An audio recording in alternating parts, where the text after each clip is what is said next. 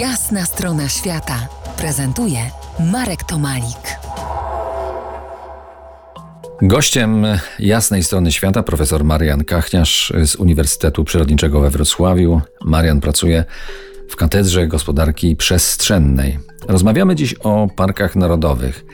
Z czego żyją polskie parki narodowe? Wikipedia umacnia taką informację, cytuję: Parki narodowe finansowane są z budżetu centralnego.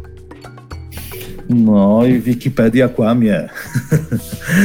Patrząc na strukturę przychodów parków narodowych, przynajmniej w ostatnim dziesięcioleciu, e, możemy się mocno zdziwić, gdyż faktycznie ta dotacja celowa z budżetu państwa na bieżące funkcjonowanie e, parków narodowych stanowi średnio to jest e, jedynie 33%, czyli jedna trzecia dokładnie. Bardzo mało kosztów funkcjonowania. To jest dotacja celowa z budżetu, czyli ona bardzo często nie pokrywa nawet kosztów wynagrodzeń osób zatrudnionych w parkach narodowych. Parki narodowe muszą zarobić na swoje funkcjonowanie. Dobrze, czyli muszą prowadzić własną gospodarność, y, działalność gospodarczą.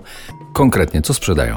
No, w niektórych y, z nich faktycznie największą, największym dochodem są y, te dochody z udostępniania czy ze sprzedaży biletów ale to dotyczy tylko i wyłącznie tych parków, w których ten ruch turystyczny jest y, największy.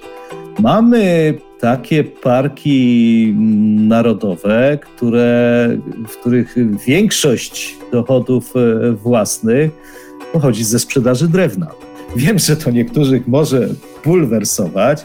Myślę, że większość to może bulwersować, bo tego raczej nie wiemy, że parki narodowe żyją z wycinki drewna no może nie żyją z wycinki drewna, ale znacząca część dochodów na ich bieżące funkcjonowanie y, pochodzi z wycinki y, y, drewna. Na koniec naszej dziś rozmowy zajrzymy do jednego z tych parków narodowych, który może żyć z samych turystów, tak się przynajmniej nam zdaje. Jaki to park narodowy, dowiemy się już za kilkanaście minut. Zostańcie z nami. To jest jasna strona świata w RMS Classic.